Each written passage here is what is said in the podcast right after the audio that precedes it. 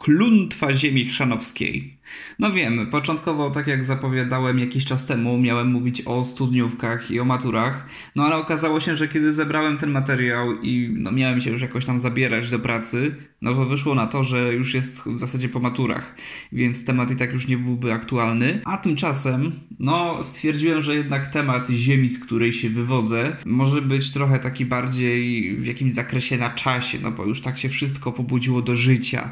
Wiosna po prostu z biegu zmieniła się od razu w lato i tak dalej. No to stwierdziłem, że w takim razie lepiej będzie się na początek zabrać za klątwę ziemi chrzanowskiej, a potem będzie no wszystko inne i na matury też jeszcze przyjdzie pora. No to jest najwyżej chyba nauczka dla mnie, żebym nie zapowiadał wcześniej o czym będzie kolejny odcinek, bo potem właśnie tak się zmieniają plany. No i e, słuchajcie, oczywiście nie ukrywam, że ten odcinek trochę jest z pewnym poślizgiem. Poprzedni, czyli ten o tygodnikach był na początku maja, teraz mamy początek czerwca, więc trochę czasu zleciało. No, no tu było kilka warstw, więc nie będę teraz może wnikał. Natomiast, e, żeby nie tracić czasu, no to przejdźmy od razu do rzeczy. Klątwa ziemi chrzanowskiej, no taki jest ten temat i o nim jako takim temacie powiedzmy dosyć zagajającym w sumie inne tematy. To jest w sumie taki wstęp można powiedzieć do co najmniej kilku innych odcinków, ale no myślę, że nie można zrobić żadnego z nich bez właśnie takiego wstępu i wytłumaczeniu dlaczego ta ziemia chrzanowska w ogóle generuje jakąś klątwę. I o tej klątwie mm, postanowiłem poświęcić y, odcinek. O co bowiem chodzi? Wyobraźcie sobie mm, takie zadupie. Takie zadupie, ale takie zadupie, które jednocześnie jednak znajduje się w zasadzie blisko dużych aglomeracji, które tak naprawdę ma dużo mieszkańców. No to w sumie można byłoby powiedzieć, dlaczego w takim razie zadupie. No więc, zwizualizujcie to sobie jako lasy. Gęste lasy ciągną się po prostu z góry na dół, ze wszystkich stron. I gdzieś tam, no w zasadzie pośród tych lasów, macie mm, dwa, powiedzmy, trochę większe miasteczka, jedno trochę mniejsze, ileś tam wiosek, no i gdzieś tam potem jeszcze może jakieś jedno miasteczko i w zasadzie to będzie chyba wszystko, a tak to właśnie same jakieś takie małe miejscowości i dwa średniowieczne zamki. No i to wszystko właśnie okalone jakimiś wzgórzami, lasami ciemnymi, puszczami. No i to jest, słuchajcie, ziemia chrzanowska.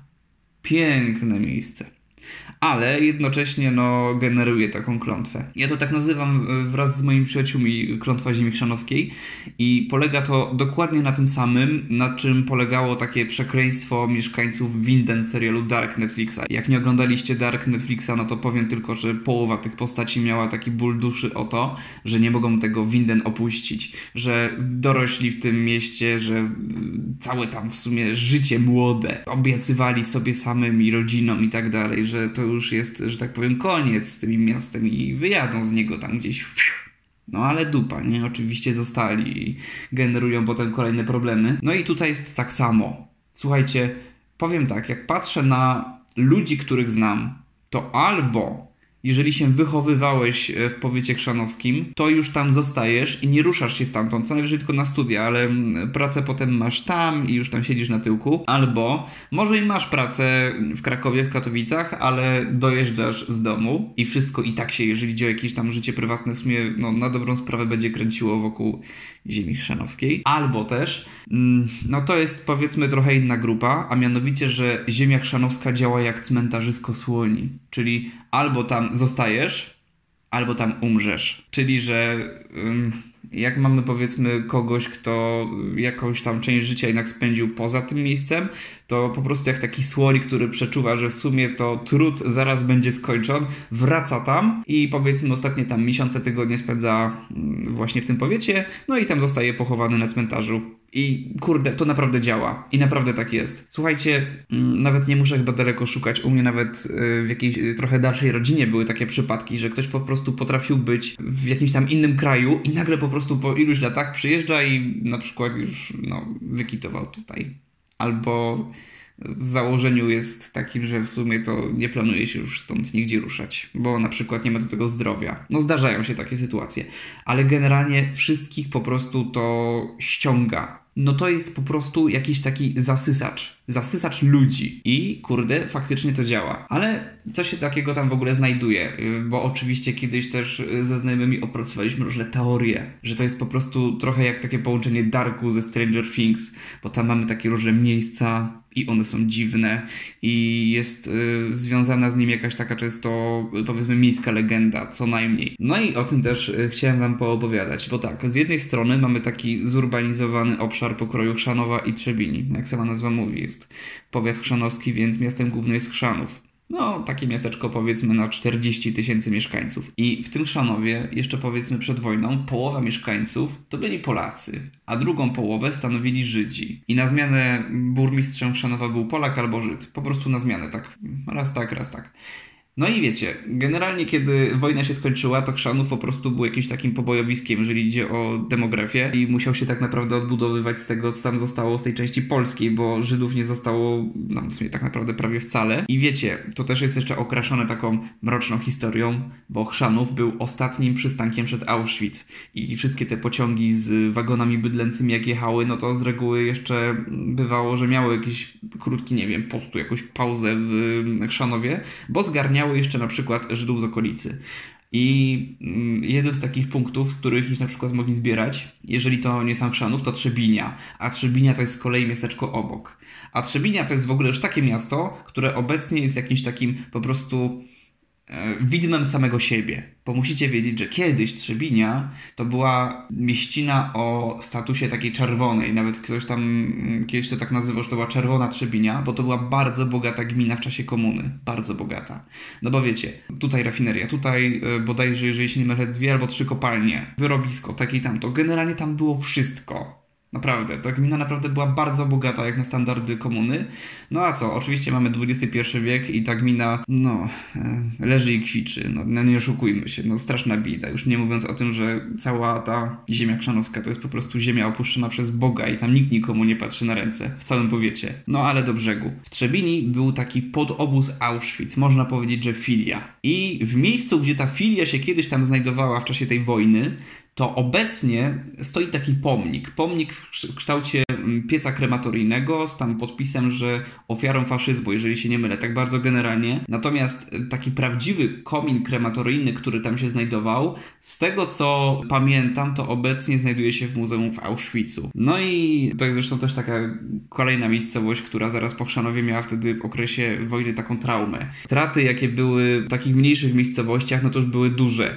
Kiedy poszłoby się w stronę okolic zamku Lipowiec. Tam jest takie po prostu pogorzeliska po domach i co najmniej jeden z tych domów prawdopodobnie padł ofiarą właśnie frontu 45 roku albo tego wcześniejszego 39, bo jest taka spalona rudera, taka przedwojenna i wygląda jak budynek z Tristram z Diablo 2, kiedy już to Tristram w sumie przestało istnieć. No i powiat chrzanowski charakteryzuje się też y, dosyć wyjątkowymi lasami, dlatego że y, jest las, który na przykład znajduje się niedaleko mnie i nazywa się Mogiła. Jest to jeszcze nazwa grubo przedwojenna, bo kiedy moja prababcia była dzieckiem, no to było w latach 30., to już wtedy ten las był stary i już wtedy nazwano go mogiłą ze względu na to, na co już nikomu chyba jakoś w głowie nie siedziało, aczkolwiek ta nazwa pozostawała. Jest taka jakaś taka mm, pogłoska, że podobno w tym miejscu, bo tak się przyjmowało, była jakaś bitwa kiedyś tam, kiedyś tam. No w każdym razie to jest takie miejsce, że kiedy się do niego wchodzi, to ma się poczucie cały czas, jakby ktoś cię non-stop obserwował, ale o tym lesie jeszcze na pewno będzie osobny odcinek kiedyś tam, w ramach czegoś, co w ogóle jakoś tak określę jako mm, straszne miejsca i straszne historie związane z powietem szanowskim, bo to jest y, temat, który myślę, że spokojnie zaciągnie pełny czas y, całego jednego odcinka podcastu.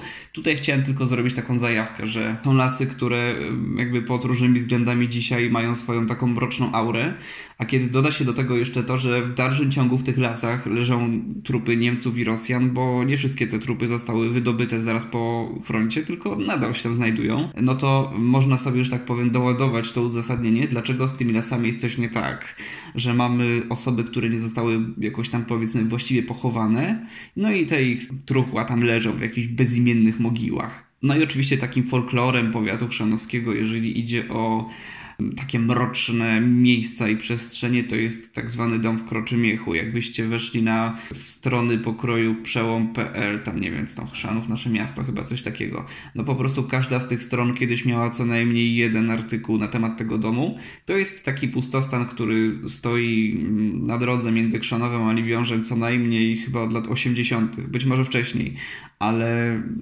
znam osoby, które po prostu w latach 80. to widziały. Czy to było wcześniej, no tak jak mówię, nie wiem, ale z tamtego okresu mam powiedzmy jakieś takie najwcześniejsze, najstarsze relacje. I to jest taki dom, który podobno był przez jakiś czas wykupywany, on tak przechodził z rąk do rąk.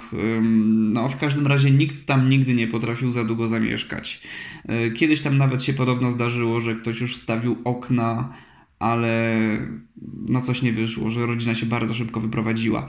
Myślę, że w takim odcinku, który właśnie by był na temat miejsc nawiedzonych w powiecie chrzanowskim, to spróbowałbym przedstawić takie różne legendy miejskie i to, e, co powiedzmy rzeczywistego z tym domem można powiązać. No ale no powiedzmy sobie szczerze, oczywiście to miejsce w dużej mierze jest jakąś taką pewnie meliniarnią i tam można znaleźć masę jakichś takich butelek i tak dalej, co nie zmienia faktu, że mm, atmosfera tego domu jest niesamowita i no, sam fakt pewnie tego, że nikt tego domu jednak nie chciał ani za bardzo pylić, ani w nim zamieszkać. Zdaje się, że jeżeli dobrze pamiętam, to właściciele po prostu zmarli, ci powiedzmy pierwotni, którzy wbudowali ten dom.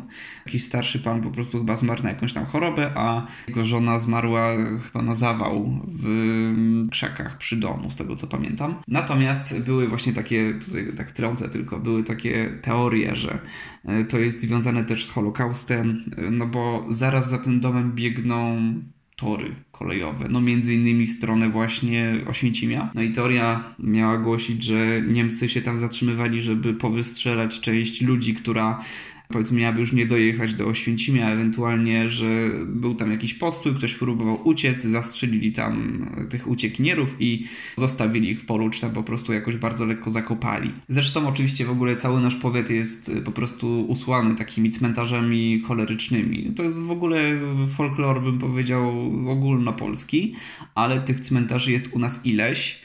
I kiedy wspomniałem Wam o tym lesie Mogiła, to on powiedzmy, że w pewien sposób funkcjonuje też pod nazwą Las Krzyki, a przynajmniej funkcjonował wśród określonej liczby mieszkańców tej mojej miejscowości Bolęcin, dlatego że o ile miejsce na pochówek tych choleryków było w jednym miejscu, gdzie indziej zupełnie, to podobno tak się mówiło i tak się przyjęło, że w XIX wieku właśnie do tego lasu, w to miejsce przynajmniej, gdzie ten las się obecnie znajduje, zwożono żywych zarażonych, chorych na cholerę, po to, żeby tam no, poumierali i nie zarażali tych zdrowych, żywych. I nazwa krzyki miała wziąć się właśnie z tego, że oni bardzo krzyczeli, pomstując i przeklinając tych swoich członków rodziny za to, że ich tam zostawili na pewno śmierć bez jedzenia, wody, bez niczego i bez oczywiście dachu nad głową. No i że to też miało przynieść jakąś taką, powiedzmy, małą może klątwę na to miejsce. Natomiast jeżeli idzie o to, co znajduje się po drugiej stronie, to mamy, znaczy po drugiej stronie od lasu, to mamy skałę triasową. To jest, słuchajcie, taka jedyna w Polsce, jeżeli się nie mylę, to jest druga w Europie, bo najbliższa taka to jest we Włoszech w tych Alpach bodajże włoskich, dlatego że y, skała z okresu Triasu ma 200 milionów lat i ona normalnie znajduje się jakieś chyba w ogóle kilometry pod powierzchnią Ziemi, a tutaj znajduje się normalnie na szczycie wzgórza i to jest taka, jakiś taki ewenement po prostu wobec tego na skalę kraju, ale no, no generalnie tam w okolicy toczą się różne inwestycje, które pewnie sprawią, że no co, no dupnie pewnie pewnego dnia i to pewnie szybciej niż później. To jest strasznie smutne, zważywszy na to, że coś potrafi stać przez 200 milionów lat i nagle przez y, jakąś tam prawie że samowolę inwestycyjną jakiegoś typa w XXI wieku przez parę lat, nagle taki pomnik przyrody może wziąć i walnąć obok. A jeszcze tak wracając do tego pojęcia klątwy ziemi krzanowskiej. No z jednej strony tak naprawdę to ciężko jest stąd chyba uciec tak fizycznie po prostu, bo y, komunikacja jest tragiczna. Musicie wiedzieć, że o ile jeszcze w miarę łatwo w ciągu dnia na przykład dostać się do Krakowa albo do Katowic, to jest po prostu koszmar, żeby skądkolwiek wrócić wieczorem. Był taki mem i no wiadomo, słuchajcie, no, no nie można opowiadać nikomu memów, bo jak się opowie komuś mema, to ten mem przestaje być śmieszny i przestaje być tak naprawdę memem. No mem jest wówczas zepsuty. No więc ja wam teraz zepsuję tego mema. Jest taki mem z jakiegoś chyba hentai, że jest sobie taki e, nieśmiały typek, który siedzi po środku, a obok na lewo i na prawo są jakieś tam chętne na niego dwie dziewczyny, ale on z żadnej nie skorzysta. I ta po lewej to jest aglomeracja śląska-katowicka, a po prawej to jest komunikacja i obszar Krakowa wraz ze swoją komunikacją miejską. No i tak to właśnie kurde jest, że z jednej strony mamy te dwie strefy Krakowa, do których jest tak naprawdę może kilometrowo niedaleko, patrząc na to, jak y, strefa druga Krakowa potrafi daleko sięgać, prawda, w odległości od miasta, a z drugiej strony jest aglomeracja śląska, która jest świetnie skomunikowana ze sobą, a no, a w tym wszystkim jest tak po środku. To jeszcze powiem tym, którzy nie wiedzą, a to może być kluczowe, że powiat chrzanowski znajduje się idealnie między Krakowem a Katowicami, tak po prostu w połowie drogi. No i to jest właśnie zawsze problem, że jak do roboty chcesz się dostać w te czy we w te, no to jeszcze jako tako. Ale matko święta, po 22 na przykład, no, no nie no, już musisz z reguły chyba czekać do rana i do świtu, aż coś pojedzie.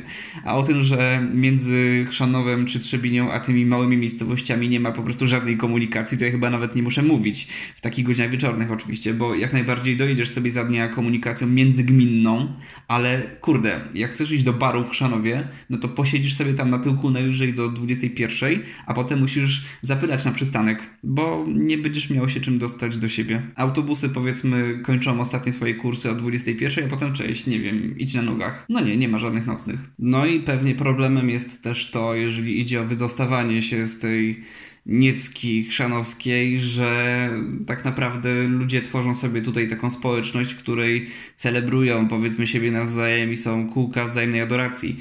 I jeżeli chcesz pozostać takim powiedzmy lokalnym celebrytą, to nie możesz ruszyć tyłka nigdzie indziej, bo tym celebrytą przestaniesz być. I to jest coś, co właśnie widzę na takich przykładach, że niektórzy mam wrażenie, że mm, robią coś tylko i wyłącznie w powiecie chrzanowskim, bo mają chyba jakieś takie poczucie, że nigdzie indziej już na przykład nie zrobiliby jakiejś takiej kariery o zarysie powiedzmy, mm, no nie wiem, dajmy na to, że artystycznym, nie? Że ktoś na przykład był zawsze powiedzmy gloryfikowany w powiecie, bo już tam kojarzony przez te wszystkie nie ośrodki szkoły i tak dalej, jako nie wiem, tam dobry śpiewak na przykład, tak, no tak rzucam tylko teraz, albo nie wiem, tam gra aktorska w jakimś tam lokalnym teatrze, nie? Powiedzmy na poziomie powiatu.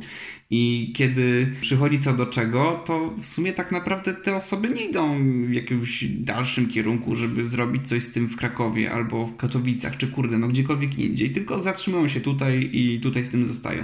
No nie wiem, być może ten sukces mi wtedy wystarczy. Ja nie wiem, czy tak jest w innych miastach podobnie, być może tak, ale zawsze miałem poczucie, że to jest po prostu no, jakaś taka cecha i typowy folklor powiatu chrzanowskiego, że niektórzy zostają dlatego, że chcą bo tylko tutaj są powiedzmy w jakimś zakresie takimi celebrytami. A jak pójdą do Krakowa, to się okaże na przykład, że no, są, są tacy jak większość innych osób. Ale z takich ciekawych rzeczy, które mamy w powiecie krzanowskim, to jest kurhan. Znaczy no wiadomo, kurhanów no to na całym świecie jest ileś, ale gdzieś tak chyba w latach 80. taki katolicki ksiądz z miejscowości Karniowice postanowił mm, założyć kurhan taki katolicki, taki, że wiecie, że wykopiesz powiedzmy wzgórze, znaczy, bo inaczej, nie że wykopiesz wzgórze, sorry, nie przekopiesz go. E, postawisz po prostu taką kopułę, i raczej ją nasypiesz ziemią, żeby to raczej wyglądało jak taki pagórek. E, trochę taka hobbicia nora, tylko że taka ogromna od środka. I tam wewnątrz są ściany, kolumny, no, no miejsc pochówków, w tym sensie, że tam się chowa osoby, które są skremowane i wkłada je się do takiej szuflady, jak w jakichś archiwach, że macie, wiecie, po prostu jeden po drugim w tych kolumnach, no to tam macie tam imię, nazwisko, data i tak dalej. Nie, ludzie sobie zapalają tylko powiedzmy świeczkę i przy takim jednym, przy takiej jednej kolumnie stoi tam tam w sumie często wtedy ileś osób, no bo taka kolumna obsługuje tam ileś tych zmarłych. I była zresztą, słuchajcie, straszna imba, bo kiedy ten ksiądz, który to założył w ogóle zmarł, no to y, ten dziwisz kazał go pochować normalnie, no tak jak się chowa powiedzmy w sposób tradycyjny człowieka, a na pewno w sposób taki zwyczajny, przewidziany przez y, Kościół katolicki. No i powstało wielkie larum, no bo w testamencie bodajże ten ksiądz zaznaczył wyraźnie, że on chce być pochowany w tym właśnie kurhanie, no bo w końcu to jest jego dziecko. No i były starania tam przez chyba kilka tygodni, no gdzieś tak do kilku tygodni od tej jego śmierci, od tego jego pierwotnego pochówku. No i w końcu dziwisz łaskawie, jak to dziwisz, wyraził zgodę na to, żeby tego księdza pochować w tym kurhanie. No więc wiecie, no wykopali tego księdza z tego grobu, został on skremowany i pochowany w tym swoim dziele. Nawet komuś ostatnio opowiadałem tę historię i ta osoba spytała, czy potem jak tego księdza wykopali z grobu, to czy go przebili kołkiem, bo tak się na przykład robiło z wampirami albo z Cromwellem. Ale nie, nie, nie przebili. A z takich jeszcze dziwnych historii, które posłyszałem, kiedy zbierałem materiał do tego odcinka, no to powiem wam, że pewnie znajomy, słysząc, że będę mówił właśnie o klątwie ziemi chrzanowskiej, czy w ogóle o ziemi chrzanowskiej, no to opowiedział mi historię swojego jakiegoś tam przyjaciela, który miał jechać z Chrzanowa do Libiąża, to już był w zasadzie administracyjnie chyba nawet Libiąż, ale taki odcinek leśny i miał podobno zobaczyć jakichś typów z pochodniami w środku nocy, którzy tam chyba prowadzili konia, czy ktoś tam jeszcze biegł nago. No generalnie, że niby jakiś taki ala sabat y, satanistów. Nie mam pojęcia, czy to jest prawda, czy nie. Brzmi to bardzo niewiarygodnie, co nie zmienia faktu, że wizja satanistów w powiecie chrzanowskim to jest po prostu ten element, który po prostu spajałby mi w tym momencie całość. Nie wiem, no pewnie mało prawdopodobne, ale chciałoby się chyba w to wierzyć. No i cóż, no widać, że to społeczeństwo w tym powiecie się starzeje, no bo jest coraz więcej starszych, młodszych nie przybywa. No w tym sensie, że mam wrażenie, że demografia generalnie u nas spada, ale no, no właśnie, z jednej strony niby nie przybywa młodych, a z drugiej strony duża część tych młodych jednak zostaje.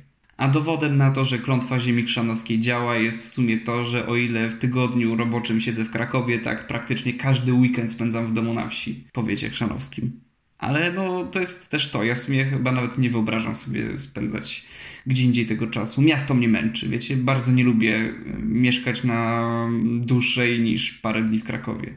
Oczywiście, że kocham to miasto jako miejsce, gdzie generalnie mogę pospotykać przyjaciół i zaznać jakiegoś życia kulturalnego, bo w powiecie chrzanowskim to bym w życiu do żadnego baru nie wyszedł na dłużej niż do 21 pewnie, ale no, miasto w końcu męczy a na takie fajne zadupie się bardzo przyjemnie jedzie. A z takich ciekawostek to powiem wam jeszcze, że przed Słowianami w powiecie krzanowskim mieszkali Celtowie.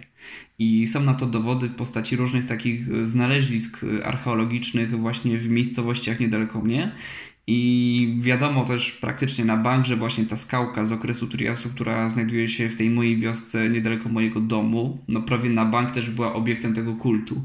I mam też taką teorię oczywiście, że ten las Mogiła też jest jakimś takim odpowiednikiem y, celtyckiego albo słowiańskiego kultu, tylko na przykład bardziej mrocznego aniżeli skała. No bo skała raczej kojarzy mi się z takim życiem, a las Mogiła, zwłaszcza kiedy siedzi się na skale o powiedzmy 23 i to zamieni się w taką czarną plamę. Po prostu takie jądro ciemności. I myślę, że jeżeli właśnie skałka była obiektem kultu pewnie płodności i tak dalej, to Las Mogiła mógł być czymś związanym z siłami znacznie bardziej mrocznymi, jeżeli idzie o praktykowanie jakiegoś kultu pogańskiego. No oczywiście zachęcam Was do tego, żebyście na maila podcast nadawany małpa gmail.com albo też może nawet i na Instagramie w wiadomości prywatnej przysłali swoje straszne historie, bo szykuje się taki odcinek ze strasznymi historiami. Myślę, że będą tam właśnie między innymi też historie związane z Lasem Mogiłą, bo mam ich kilka. Mam historię też z domem na Kroczymiechu, ale oczywiście im więcej tych historii od Was, tym lepiej. Myślę, że w razie czego będą one też opatrzone jakimś takim komentarzem i może nawet y, okraszone jakimś researchem, powiedzmy, w zależności od tego, czego by to tam dotyczyło. No w każdym razie, oczywiście, jeżeli też Wam się to podobało, albo byliście w jakiś sposób zainteresowani, to oczywiście zachęcam do subskrypcji i dania łapki w górę. A tymczasem się z Wami żegnam i życzę Wam dobrego wieczoru. Na razie.